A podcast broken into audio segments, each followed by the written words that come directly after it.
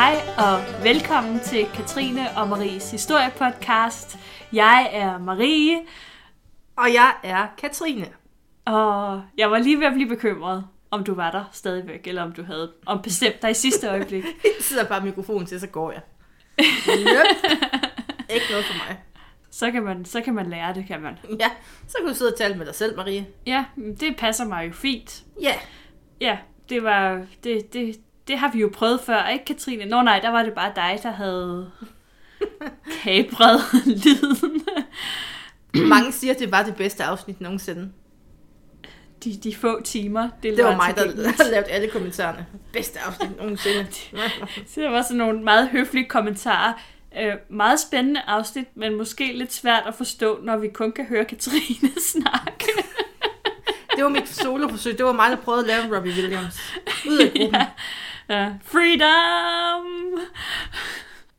Ja, og vi er lidt, vi er sådan lidt i kamp mod tiden i dag, fordi øh, faktisk er det her, det er jo anden gang, vi forsøger at optage det her. Fordi Der har været sabotage. Ja. Jeg, jeg siger ikke, det er den der tyrkiske hackergruppe, der har lagt statsministeriets hjemmeside ned, men der er, det, det er et påfaldende sammenfald. I Et påfaldende sammenfald. Præcis. Godt, Sherlock. Jeg er enig. Ja. Øhm, og, øh, og det betyder, at, øh, at, at vi skal sidde og genskabe alle de fuldstændig vanvittigt geniale jokes, der var indlagt i, øh, i første optagelse. Det kan være, at jeg kan udtale tingene den her gang. Ej, det er bare for sjovt. Selvfølgelig kan jeg ikke det. Nej, det tror jeg heller ikke, du kan. Og, og en anden udfordring, det er, at der muligvis starter en rockkoncert i Nykøbing Falster om, ja, hvad skal vi sige, en halv times tid. Så det er bare go, go, go. øhm, Vi har slet ikke tid til det, Marie. Kør, kør. kom, ikke og, kom ikke og sige, at der ikke sker noget i provinsen, og at livet som podcaster Der, er også, ikke der var pop-up hektisk. bingo. Der var Der pop-up bingo til. bingo. Jeg har læst programmet. I og Nykøbing rundvisning på You Også can make that det shit up. store sager. Jeg siger dig, det er store sager. Øhm, og jeg, jeg, jeg er lidt blæst. Jeg er lidt blæst bagover af, af kulturnatten i Nykøbing Falster og, og alle de tilbud, der er. Undskyld. Det gør noget. Øhm, men øhm, så derfor så, så skal jeg skal lige jeg skal lige zone ind her. Øh, Ja, vi starter jo sådan lidt koldt. Der har ikke været særlig meget forspil. Vi plejer altid lige holde en halv time, hvor vi bare lige, mm, ja, hvor vi lige sådan taler os ind på hinanden og lige bliver varmet lidt op. ja, Ved. du ved, som man jo Smurt gør. stemme. Ja. Lige sådan lidt verbal kæleri. okay, jeg, jeg begynder nu.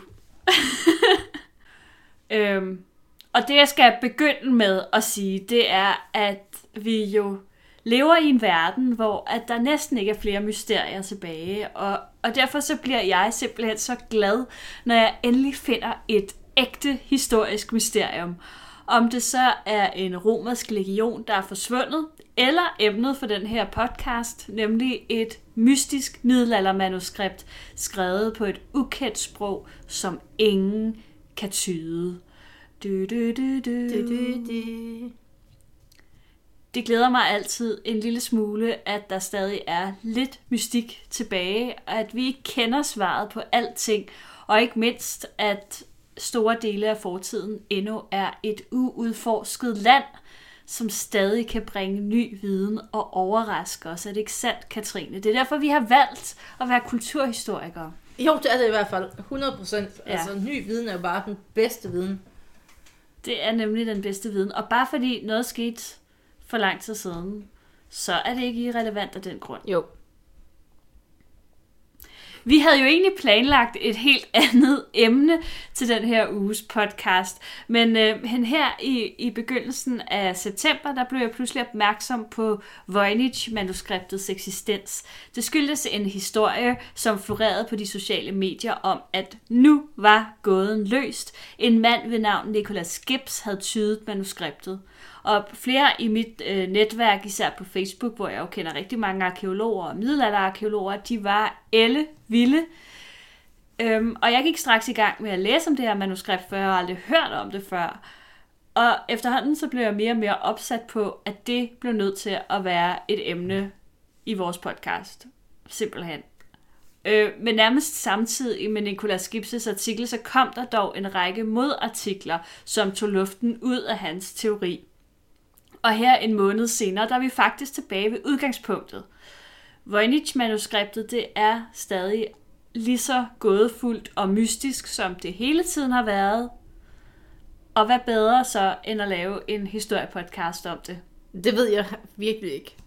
Og hvis Nej, du, kan lytter, sidder derude og tænker, lidt ligesom jeg gjorde, da jeg fik det at vide første gang, hvad delen er en Voynich, og at det er en film. Helt grundlæggende så er der tale om et mystisk manuskript, der bliver skrevet i første halvdel af 1400-tallet. Bogen består af 240 pergamentsider med tekst og illustrationer, og det er netop indholdet, der gør manuskriptet så gådefuldt. Teksten den er nemlig skrevet på et ukendt sprog med et ukendt alfabet, så alt er bare ukendt mm. her. Fuldstændig. What? og, altså, og ingen har endnu kunne tyde det. Og manuskriptet det er blevet undersøgt sådan indgående cirka 25 gange af både matematikere og linguister og kodebrydere. Under 2. verdenskrig så havde man jo en masse kodebrydere til at rende rundt. Det var sådan lidt det, de levede af, kan man sige. Det var, det var, der en, det var en business. Der var en business der. Og de kodebrydere, som var sat til at bryde den japanske kodning under 2. verdenskrig, efter de var færdige med Code Purple, så gik de lidt rundt og altså, lavede ingenting, quote on quote. og så tænkte de, ved du hvad, så kaster vi os over det her manuskript, og guess what? Ja. De kunne heller ikke finde løsningen. Nej. Så det var ikke amatører, der bare sad og hyggede sig.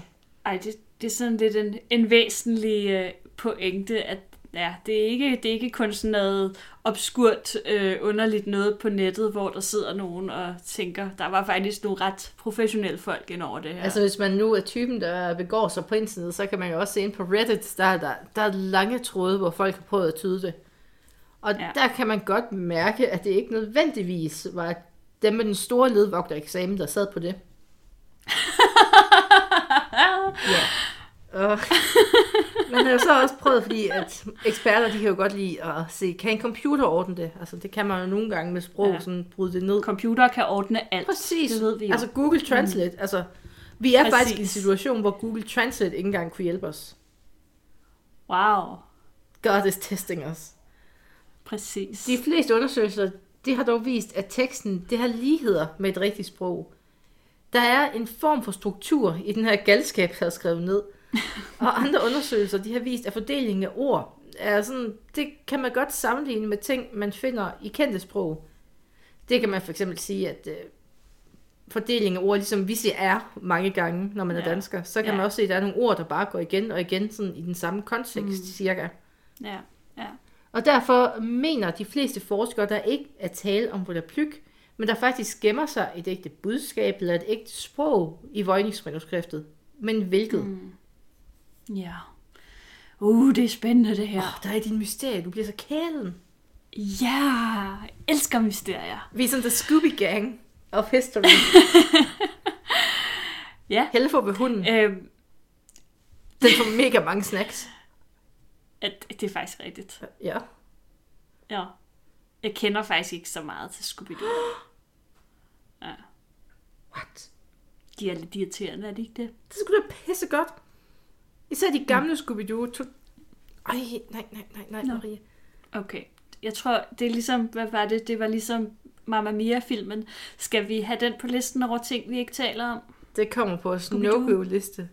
Der, der, ja. Man kan være to ting her i livet, Marie. Man kan, være, altså man kan have ret, og man kan tage fejl. Og lige nu, der er du på den forkerte side. Det, det beklager jeg, Katrine. Ja. Ja. Undskyld. Øhm, som vi sagde, så er det jo ikke kun det er jo ikke kun sproget og alfabetet, som er mystisk i Voynich-manuskriptet. Der er jo også en hel del illustrationer.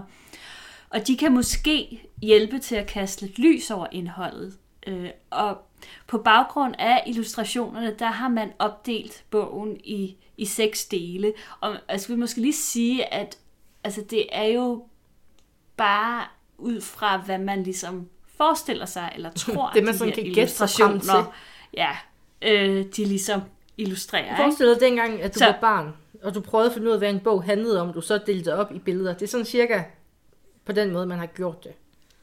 Ja, det her, det ligner præcis. planter, så må det jo handle om planter. planter. Da, da. Og dermed, øh, den første del af, af manuskriptet, eller bogen er det vel også, altså en, øh, det er jo sådan en slags middelalderlig paperback i virkeligheden, ikke? Øhm, det er en botanisk del med afbildninger af urter og planter, mener man. Måske. Forskerne de mener, at der, er tale, der kan være tale om lægeurter og deres egenskaber. Så er der en astronomisk eller astrologisk del, som indeholder sådan nogle cirkeldiagrammer, ligesom dem man ser øh, astrologer de laver, hvor der så er alle mulige streger og alskens med ascendanten, og jeg ved ikke Det kan hvad. være, vi kan spørge ham på Øhm, DK4. Ja, det kan være, han kan løse det. Hvis nogen kan, så er det ham. Ja, hvad er det, han hedder? Jeg ved det ikke, men han synger opera og laver horoskoper på DK4. Men jeg behøver ikke at vide om ham. Det er sandt. Og så har han ham her, Stevie Wonder, vennen, som spiller klaver med sorte solbriller på Nå, og er blind ja. og sådan noget. Ham har vi jo set live.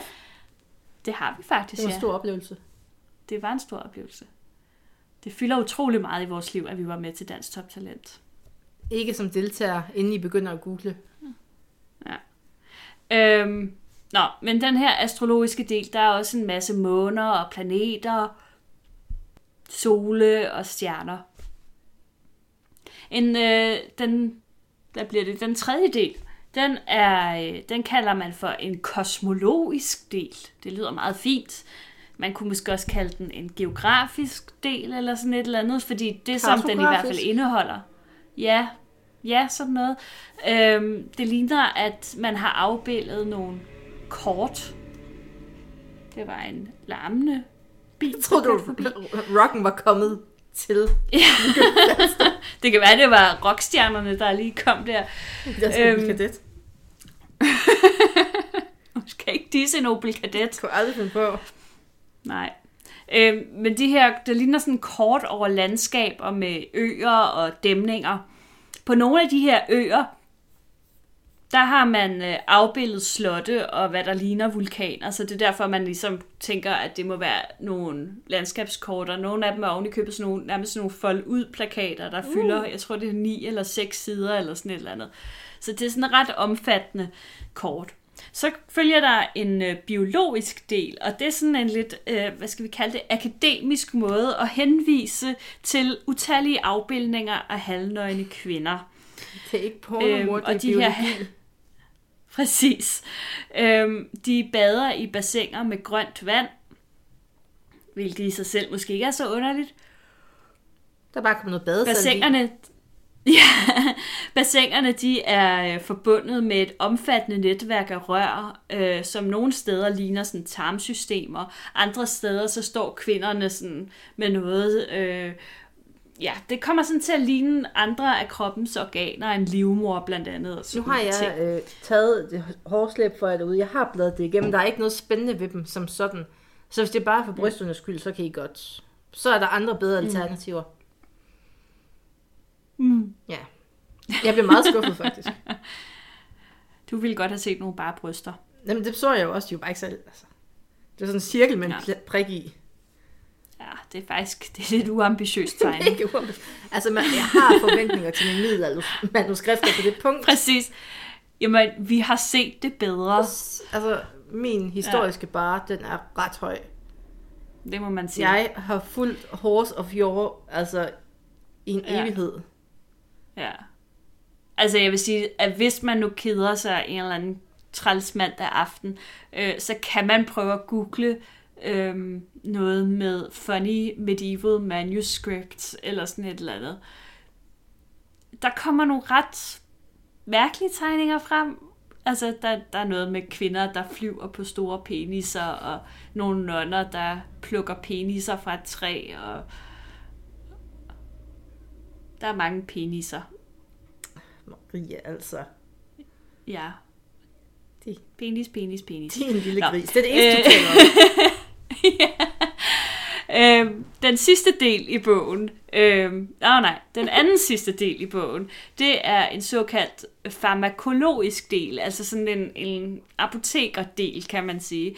Øh, og det, men, det kalder man den, fordi der er afbildninger af nogle plantedele, som for eksempel blade og rødder, og så noget, der ligner apotekerkrukker.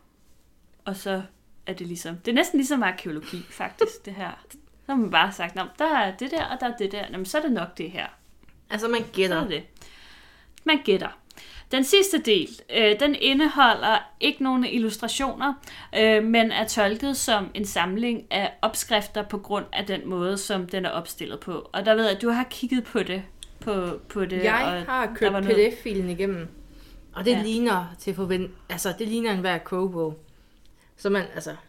Hvis man nu godt kunne lide at gætte, og det ved jeg, at du godt kan som arkeolog, så kunne man jo tro... Altså, det, det kan være, det er sådan en vegansk kogebog, fordi der er så meget planter, så Ja. så kan I bare slå Ja. det op, så kan I konkurrere det. middelalderlig vegansk kogebog. Den første veganske Øh, kogebog. Nogensinde. Øhm, det er derfor, den bliver nødt til at blive skrevet på sådan kodesprog, fordi ellers så ville de blive brændt på bålet. Fucking kætter. så dengang tog det alvorligt. ja. Øhm, umiddelbart så ser de her illustrationer sådan ret til forladelige ud, men ved nærmere eftersyn, så er de faktisk ret underlige.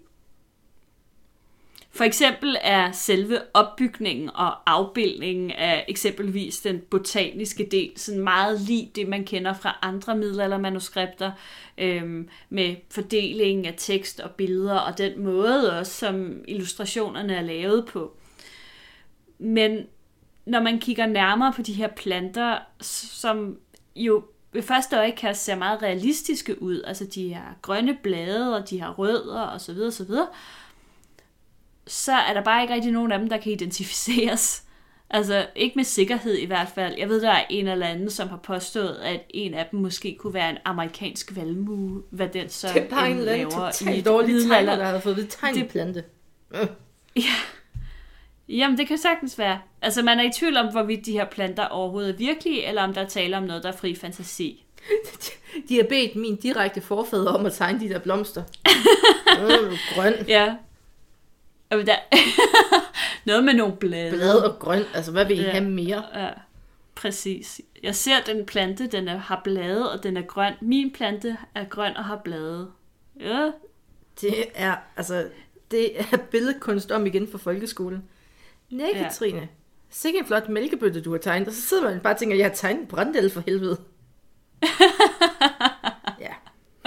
Der var jo ikke engang gul i. hey. Ja. Åh, jeg havde et hårdt liv. Nå. Bogen i sig selv har faktisk også en, en rimelig interessant historie. Og den er også sådan rimelig, altså den er ret mystisk, fordi der er sådan, der er nogle huller i den, lad mig sige det på den måde. Mm. Og nogle lidt spøjse personer, som Nogle fantastiske er personer, helt... mener du nok nærmere. Ja, det vil, altså, da jeg læste op på den her historie, så tænkte jeg, hvorfor er der ikke nogen, der har lavet en film om det her Ja, endnu? fordi det er vores marked, Marie. Der gav jeg lige den væk, var? Ja, ligesom paverækken. Nå ja. Skal vi bare lave en bod med gode idéer? Folk kan komme og trække. Ganske gratis. Ganske gratis. Jeg er virkelig, Katrine jeg er virkelig dårlig. idébod. Selve navnet Voynich, det stammer faktisk ikke fra et ord, man bruger i manuskriptet. Det kan man jo sjovt nok ikke rigtig tyde. Men det stammer i stedet fra den polske boghandler Wilfried Voynich, som angiveligt... Voynich. Jeg anerkender ikke Polen. Som angiveligt købte manuskriptet fra Collegio Romano, et universitet i 1912, så det vil sige ret mange år efter det blev lavet. Hmm. Men hvor stammer det fra? Der er som sagt ret store huller i vores viden om det her manuskript. En kulstof 14-analyse af pergamentet har vist, at det er fremstillet mellem 1404 og 1438, og analyser af blækket har vist, at det er påkørt, bla- påført kort tid efter. Mm. Der er derudover nogen, som har foreslået, at illustrationerne de er tegnet i en stil, som man kender fra regionen Norditalien, skråstrej i Sydtyskland. Du ved, det der magiske land, man kører igennem for at komme ned, hvor det er dejligt varmt. Ja. Og det er altså ren spekulation, fordi man kan ikke rigtig sige det med sikkerhed jo. Nej, det er det. I 1639 ved vi med sikkerhed, at Voynich-manuskriptet befandt sig i Prag hos alkymisten Geo Bar... Hvad, hvad blev vi enige om sidst? Bar- Baresh, Bar- måske? Ja, fordi... ah, Baresh. Eller Baresh? Øh, Baresh? Jeg ved det faktisk ikke. Han Der var ikke Geo. nogen accenter over nogen af... Og så synes jeg lige, vi skal dvæle ved, at han havde jobbet... Altså, han var alkymist.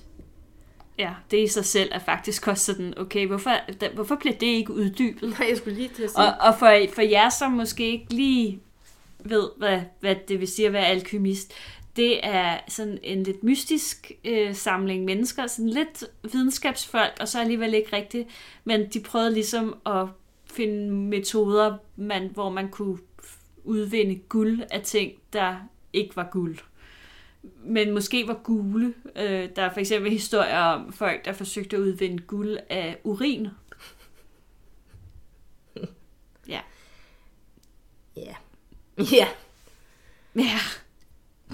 Han, Men de var meget mystiske i øvrigt, og de er jo kendt for at have alle mulige mærkelige koder og bøger med opskrifter. og stor videre. kærlighed det, til bly, generelt.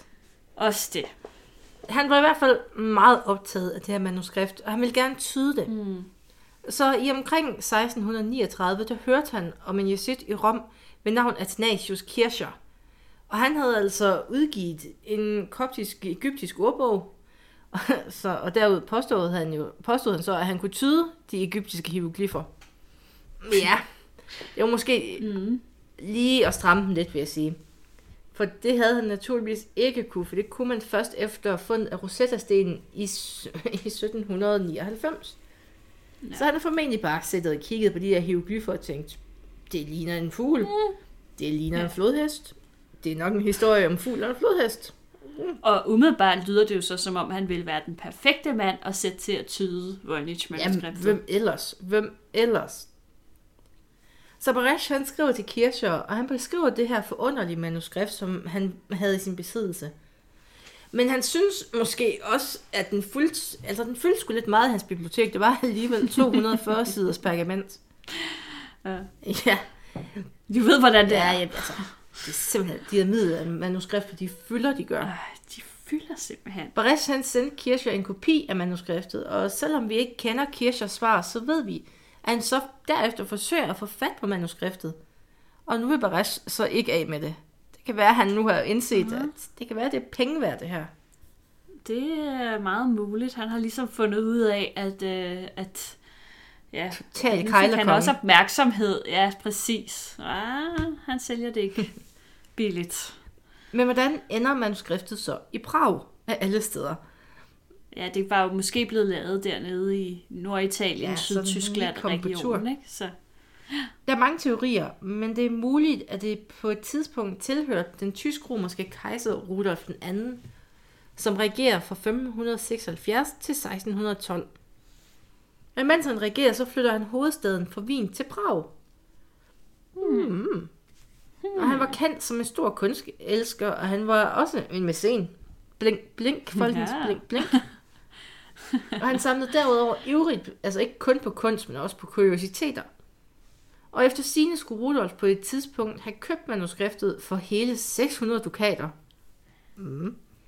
som formentlig har været mange penge. Altså, dukater indikerer jo mange penge i min verden. Det gør det. Og senere har han givet den videre til sin livslæge, og måske Baresh har fået manuskriptet af den vej. Ja, det er i hvert fald en mulighed. Den her livslæge, han kommer så lidt tilbage senere, Ja. ved jeg. Det, det Ja, det bliver godt. øhm, da Baresh han dør i 1662, der arver hans gode ven, Jan Marek Marci, manuskriptet. Og øh, Marci han var rektor ved Universitetet i Prag, og så var han derudover også gode venner med Kircher, altså fyren nede i Rom, der gerne ville have fingrene i manuskriptet. Og øh, Marci han var åbenbart ikke sådan helt lige så forbeholden, som Barish var, så han sendte Marci manuskriptet. Nej, frøvl. Så Marci sendte manuskriptet til Kircher kort tid efter. Sådan var det. Sådan var det. Sådan var det. Og derefter så forsvinder sporene faktisk efter manuskriptet i flere hundrede år. Det er sandsynligvis opbevaret i Collegio Romanos bibliotek, hvor Kircher han jo arbejdede, og her lå det altså trygt og godt og glemt indtil 1870, formentlig indtil 1870, hvor Italiens tropper under Victor Emmanuel den anden invaderer Rom, og også øh, Vatikanstaten, som jo også på det tidspunkt var selvstændig, og så bliver det annekteret af Victor Emmanuel, øhm, fordi han brød sig ikke om, at der skulle være noget selvstændig stat og bla bla bla. Øhm, den nye regering beslutter sig derefter for at konfiskere flere af kirkens ejendomme, og herunder også diverse biblioteker.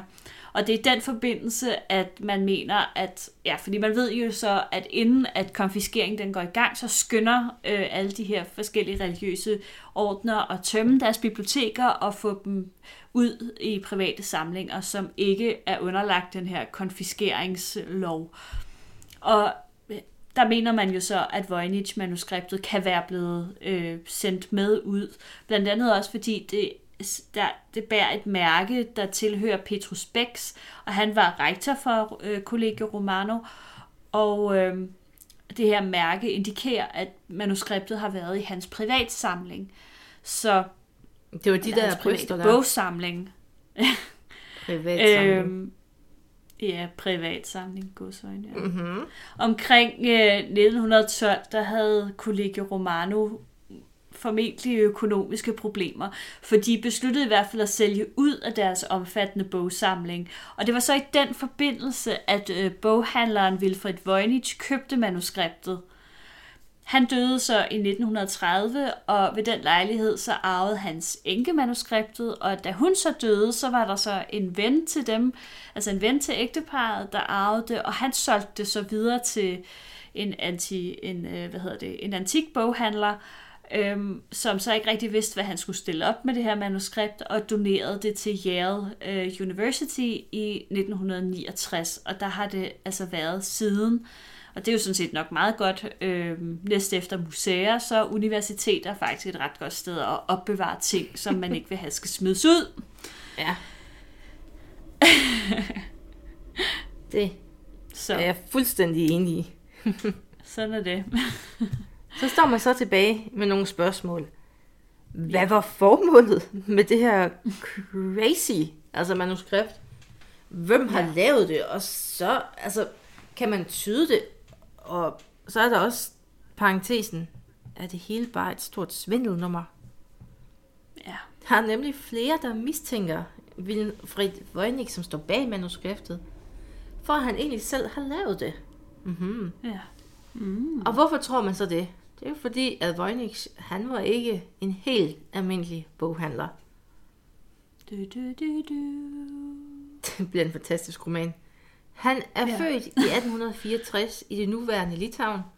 Det var en del af Rusland på det tidspunkt. Altså, hvis du hørte om et par år, så kan det være, at det er igen. Så. Mm. Ja. Han talte efter sine 20 fl- sprog flydende.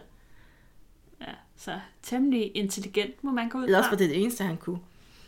Det kan I så godt være. 1885, der meldte han sig ind i et revolutionært parti, og kort tid efter, så blev han arresteret, og selvfølgelig uden retssag. Revolutionær scumbag. Sådan gør man jo i Ja, Rusland. altså, retssag er det jo.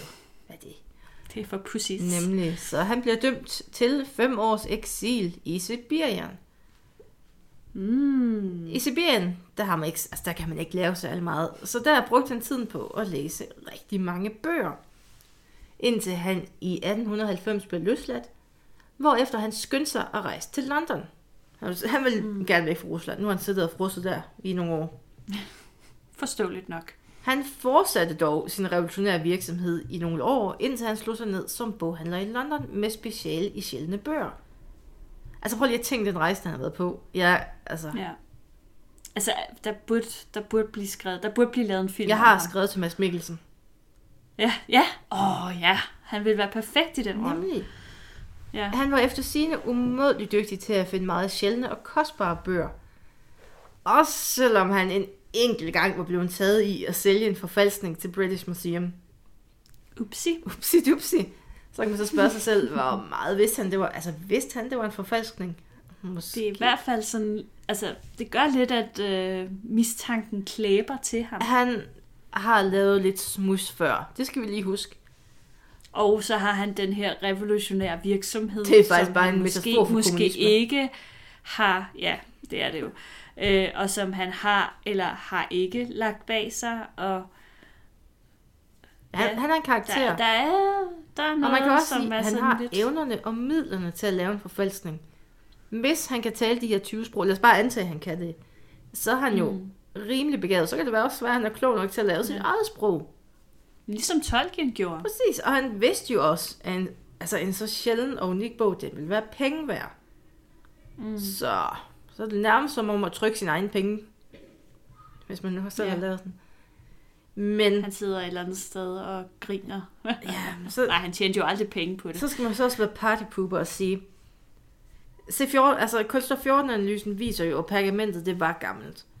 Og teorien, ja. altså så også at blækket var blevet påført sådan rimelig hurtigt efter. Mm. Så med mindre han faktisk har været klog nok til at lave en tidsmaskine. Hvilket sætter alt det her i et helt nyt. Ja. Ja. Det ved man ikke. Og der er også Men- men, sådan en men- anden kuriositet, jeg fandt i forbindelse med det her. Mm. Han har måske prøvet at sælge det, altså manuskriptet, som, hvor han så også har skrevet, altså skrevet noter i det selv, hvor han har Ja. udgivet sig for at være livslægen, vi snakkede om før. Så Ja. var der så nogle, altså nogle hater, kan man godt kalde dem, der så er gået tilbage og fundet nogle manuskripter fra lægen og sagt, det er slet ikke den håndskrift. Mm. Nå, Præcis. Ja, så han har ligesom taget og tilføjet nogle ting i Ja. manuskriptet, som, Han, han har nok som taget han har sagt var autentiske, og jamen, han vil meget gerne påvise, at den havde en vis, en, at han vil gerne påvise, at den historie om Rudolf den anden var den rigtige, fordi det gav jo også ligesom, det, det forhøjede nok værdien af manuskriptet væsentligt, Nemlig. ikke? Ja, så, øh, men, men det er bare ikke så heldigt, når man sådan står med det her, som, som ingen kan tyde, og så den her mand, som er lige, han er lidt flosset i kanterne, Ja. hvad angår med de der sjældne manuskripter, og måske Forestil dig, Stein Bakker kom hen til dig og sagde, jeg har et godt business adventure til dig. Ja, jeg ved en masse om Fordi man, IT. man ved godt, at han kan noget, men man ved også, at han snyder lidt. Ja, Men Marie, ja, præcis. når vi så går ud Ja. fra, at manuskriptet er ægte, vi tror på kulstof 14. Ja, Ja. En kulstof 14, vi believe. Øhm, Ja. hvad, Jamen, skal... hvad er det så? Ja, det er jo det, der er spørgsmålet. Altså et af de store spørgsmål, det er jo selvfølgelig, hvem er så forfatteren, hvis det ikke er Voynich? Øh, og en af teorierne, der er mange teorier, en af teorierne, det er, at det kan være den engelske munk Roger Bacon, Bacon. øh, ja, mm, som engang i 1200-tallet har nedskrevet sine opdagelser og opfindelser i en kompliceret kode. For jer, som måske ikke lige kan huske, hvem Roger Bacon er, så er han Han en opfandt ikke bacon. munk, det fik jeg vist nok sagt. Han opfandt ikke bacon, nej. Han, øh, det, eller gjorde han? Hmm. Øh, han, øh, han var sådan en filosof og opfinder i virkeligheden, så han, øh, han var meget om sig, og han skrev en masse ting. Og det her skulle så efter sine, efter den her teori, være sådan et, et, øh, et tabt eller et glemt manus. Men igen, han levede i 1200-tallet. Manuskriptet er først, formentlig først skrevet i 1400-tallet. Øh, så der er ligesom en, en tids ting der, som, som gør, at den ikke rigtig holder, medmindre det så skulle være en kopi af noget, han har skrevet, og bla bla bla. Tidsting. Så begynder det altså også at blive lidt sygt, ikke? Øhm, der er også nogen, som mener, at der kan være, at forfatteren er øh, en anden englænder. Sjovt nok meget anglofilt, det her. øh, det er en fyr, der hedder John Dee, som øh, var astrolog hos Elisabeth den første af England. Og det var jo sådan tilbage på det her tidspunkt, det er jo altså i 1600-tallet slut, øh, anden halvdel af 1500-tallet og starten af 1600-tallet, der øh, tog man astrologer alvorligt. Meget alvorligt. Det gør du ikke også Tycho. Brahe var jo også øh, øh, psykolog, skulle jeg til at sige, astrolog. øhm, jo, det gør jeg. Jeg læser altid mit horoskop. Ja. Øhm, øhm, og øh, der er så nogen, der mener, at John Dee, han simpelthen har, har lavet det her manuskript, og at det er volapyk, trods øh, de videnskabelige undersøgelser, der beviser det modsatte, og at det er konstrueret for at narre godtroende mennesker og simpelthen tjene en masse penge. ikke Fordi han har været en-. Det kan man sige. Det er din holdning, Det er det Katrine. nemlig. Ja. Så er der også andre, som, som mener, at øh, det øh, er simpelthen et naturvidenskabeligt værk, øh, der blandt andet fortæller om lægeplanter og deres egenskaber, og som enten så er skrevet i kode, eller simpelthen på et sprog, som er gået tabt i tidens løb. Dam, dam, dam. Jeg er sikker på, at det var mit cue, du prøvede at lægge ind. Det var det. Ellers så gør det til mit cue. Ja. Bedste skuespiller Q, nogensinde. Katrine. Ja, totalt. Min rolle, når vi researcher, det er meget ofte at finde det obskure. Ja. Medmindre jeg får fuldt ansvar, så finder jeg altid det bedste. Men når Marie har ansvaret, så er det mig, der finder det underlige. Hmm. Og jeg søger jo altid bare den til mine konspirationsteorier. Ja. Og nogle gange, så synes jeg altså, de kan ramme nogle spændende teorier. Ja. Jeg har fundet en side her, der påstår, at det er et sprog, jeg ved ikke, hvordan man oversætter til dansk. Jeg har været igennem altså, flere bøger for at finde ud af det. Men på engelsk, der hedder det Cuman language, ikke, ikke Cuman, altså ikke spidskommen, men C-U-A, nej, C-U-M-A-N. Cuman. Noget den stil. Kumam eller kumam. Kuman. Noget den stil. Ja. Det var et sprog, der bliver, altså det bliver talt back in the days, men det er en af de sprog, der er gået tabt. Okay. Ja. Og altså det her sprog, modsat nærmest alle andre sprog i Europa, det er faktisk baseret væk fra Europa. Det er sådan tættere på tyrkisk, mongolsk og sådan en lille snart af kazakhstansk indover. Mm, Det gør alting bedre. interessant. Ja. Og det kunne, altså, så det vil sige, at det er derfor, det ikke ligner et europæisk sprog, fordi de har en helt anden måde at gøre det på. Ja. Og det passer også med altså, vokalharmonien i manuskriptet. Den måde, vokalerne mm. de bliver lagt på. Ja. Og Okay. nu begynder det at blive historisk spændende. Ja. Fordi at hvis vi går ud fra, at Rudolf den anden havde det, han var jo også konge af Ungarn. Og i Ungarn, der blev det her sprog talt flittigt i 1400-tallet. Nej, er det rigtigt? Ja. Den sidste altså kendte taler af det her sprog dør faktisk i Ungarn i 1800-tallet. Ej, Jo, i 1800-tallet, Ja. siger? Det er så den sidste gang. Ej, hvor er det bare irriterende. Ja, hvorfor skal han... folk dø for helvede? Så det ville faktisk Ej. give mening, hvis det nu var. Men er der, er der, er der noget skriftligt materiale Sjovt. på... Jamen, det er jo næsten som om, det er indstuderet det her. Det er næsten Reimer Bosk interviewstil, vi kører lige nu. um, ligesom mange andre af de her sprog, det var sådan lidt erkendt, der er faktisk ikke særlig meget nedskrevet. Man ved, der har været, en, altså kirken har forsøgt at lave nogle ordbøger, hvor man har taget nogle af de her ord oversat ind, altså til latin. Mm. Men når der ikke har været den samme skriftlige tradition, så har der jo heller ikke været et fastlagt skriftsprog. Nej, Så det, okay. altså forestil dig, at du skulle opfinde altså et skriftsprog til det, du hører. Ja. Forestil dig, at du skulle skrive tyrkisk. ja. Men jeg vil jo nok vælge at... Altså, nu bruger tyrkisk, tyrkerne jo også øh, latinske bogstaver. Jamen, for, jamen forestil dig, du, jamen, jamen, hvad hvis du ikke vidste Men- det? Hvad hvis du bare hørte tyrkisk og fik at vide at skrive det ned? Ja. Mm-hmm. Øh, mm-hmm. øh, computeranalysen, nu er vi tilbage til computeren, har jo så analyseret mm. det her værk. Og det er jo sådan, den går ned og scanner ordene, og så sammenholder den med milliard million sprog. Hvordan det lyder, og hvordan det er opbygget. Og der er man kommet Ja. frem til, at Vojningsmanuskriftet, det sådan ligger tættest på moldoviansk, moldovisk. Okay. Moldova, det der meget lille land ved siden af Ungarn. Ja. Som er med i Melodi Grand Prix. Ja. Go Moldova. Næste år. og Moldova ligger jo sjovt nok lige ved siden af Ungarn, som, ja, hvor man talte det tidligere, det her kunne man sprog. Ej, hvor er det vildt. Hvorfor i alverden er den teori ikke bare den, som står alle Fordi steder? det eneste sted, hvor jeg sådan rigtig kunne finde den udskrevet, det er på en WordPress-side, der hedder rationalconspiracy.com. Ja. Hvor er det mærkeligt. Jeg kunne godt tænke på, under, hvis, jeg lyder- havde, altså, hvis jeg havde ressourcerne til det, så, var, altså, så skulle det undersøges. Men jeg har jo også Virkelig? siddet, fordi at der er jo sider dedikeret til det her med forskellige oversætterkoder. Ja. Jeg har været dybt fascineret af det de sidste par dage. Næsten ikke kunne sove. Ja. Ja.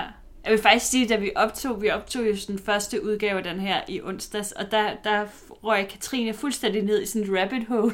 Jeg har ikke været op, jeg er kommet længere ned, Marie. ja, Jeg har downloadet oversætterværktøjet for at sidde og selv og pille ved det. sejt. Og Jeg vil så også sige, at, øh, at vi har faktisk også besluttet i mellemtiden, Jeg har. at det ikke Marie er sidste gang. Katrine har besluttet i mellemtiden, at det ikke er sidste gang, at øh, vi berører Voynich-manuskriptet. Men, øh, men, men mere om det senere. kommer vi tilbage til. Blink, Mm, blink, folkens, spændende. især patrons. Blink, blink. Ja. I kan ikke se, at jeg blinker, fordi det her det er et talt medie, men I, hvis I, ja. jeg stikker lige øjet hen til mikrofonen. Hun blinker sindssygt meget. Ja. Ja. Ej, det lyder rigtig spændende med det der komandsprog. Det tror jeg, det tror jeg 100% på. Ja, Men hvad tror du på? Hvad, hvad tror du, det er for noget, det her? jeg er 100% på et dødt sprog. Ja. Ja, altså jeg vil sige, hvis, hvis for at snyde, så man virkelig, virkelig gjort sig umage. Mm. Jeg, vil, altså jeg vil sige, der var mange andre lavt hængende frugter, man kunne tage. Også, at der ikke er Ja. rigtig noget, der ligner det. Altså hvis man snyder, så plejer man ikke at opfinde den dybe tallerken.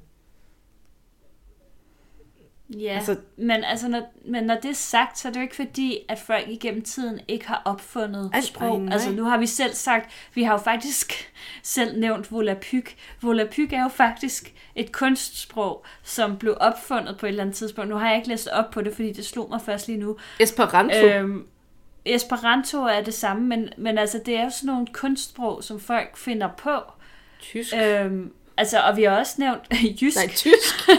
Nå, jeg troede selv.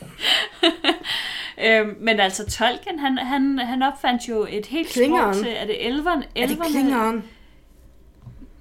Ja, okay, også klingeren. Men, ja, ja.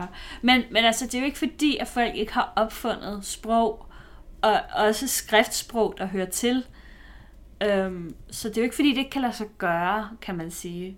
Men og der har måske også, måske er det sådan en middelalderlig Tolkien, der har siddet der og Det er den og første på- fantasy-bog nogensinde. Ja, jamen, jamen hvad? Jamen det kan da være. Ja, jamen hvorfor ikke? Hvorfor ikke? Altså, der, der fandt... Men, men jeg må indrømme, at jeg synes jo, at det er utrolig spændende med det her uddødsprog fra Ungarn. Altså, fordi det passer både med... Altså, bortset fra selvfølgelig, at det skulle være fremstillet i sådan Sydtyskland, øh, Norditalien. Men det er jo ikke sikkert nødvendigvis, at det så er helt rigtigt. Det var jo også ren spekulation. øhm, så det skal vi ikke hænge os i. Men det, som jeg godt kunne tænke mig, måske at man undersøgte, det var jo så, om nogle af de her illustrationer kan forklares ud fra den sammenhæng, at det så er et sprog, der blev talt i, i det her område. Altså for eksempel planterne, er det noget, man så kan genkende fra det her område, henviser øh, for eksempel alle de her... Øh, øh, de her kort, for eksempel, er det noget, man ligesom på en eller anden måde, nu er der ikke så mange vulkaner i det område, tror jeg, men, men altså, er det på en eller anden måde noget, man kan få til at passe med noget i det område? Altså, det kunne bare være interessant at undersøge nærmere. Det viser vejen til Mordor. Ja. Og med de ord, så slutter vi Katrine og Maries historiepodcast for den her gang. Vi håber, I kunne lide øh, historien om Voynich-manuskriptet. Øh, vi synes i hvert fald, den var helt vildt sej, og som sagt, så er det noget, vi vil vende tilbage til senere. Igen, øh, hvis I får lyst, øh, smut ind på vores Patreon-side. Kig der. Øh, like os på Facebook, like os på iTunes. Like os i hjertet. Like, like, like. Whatever. øhm, og øh, så ses vi i næste uge. Hej.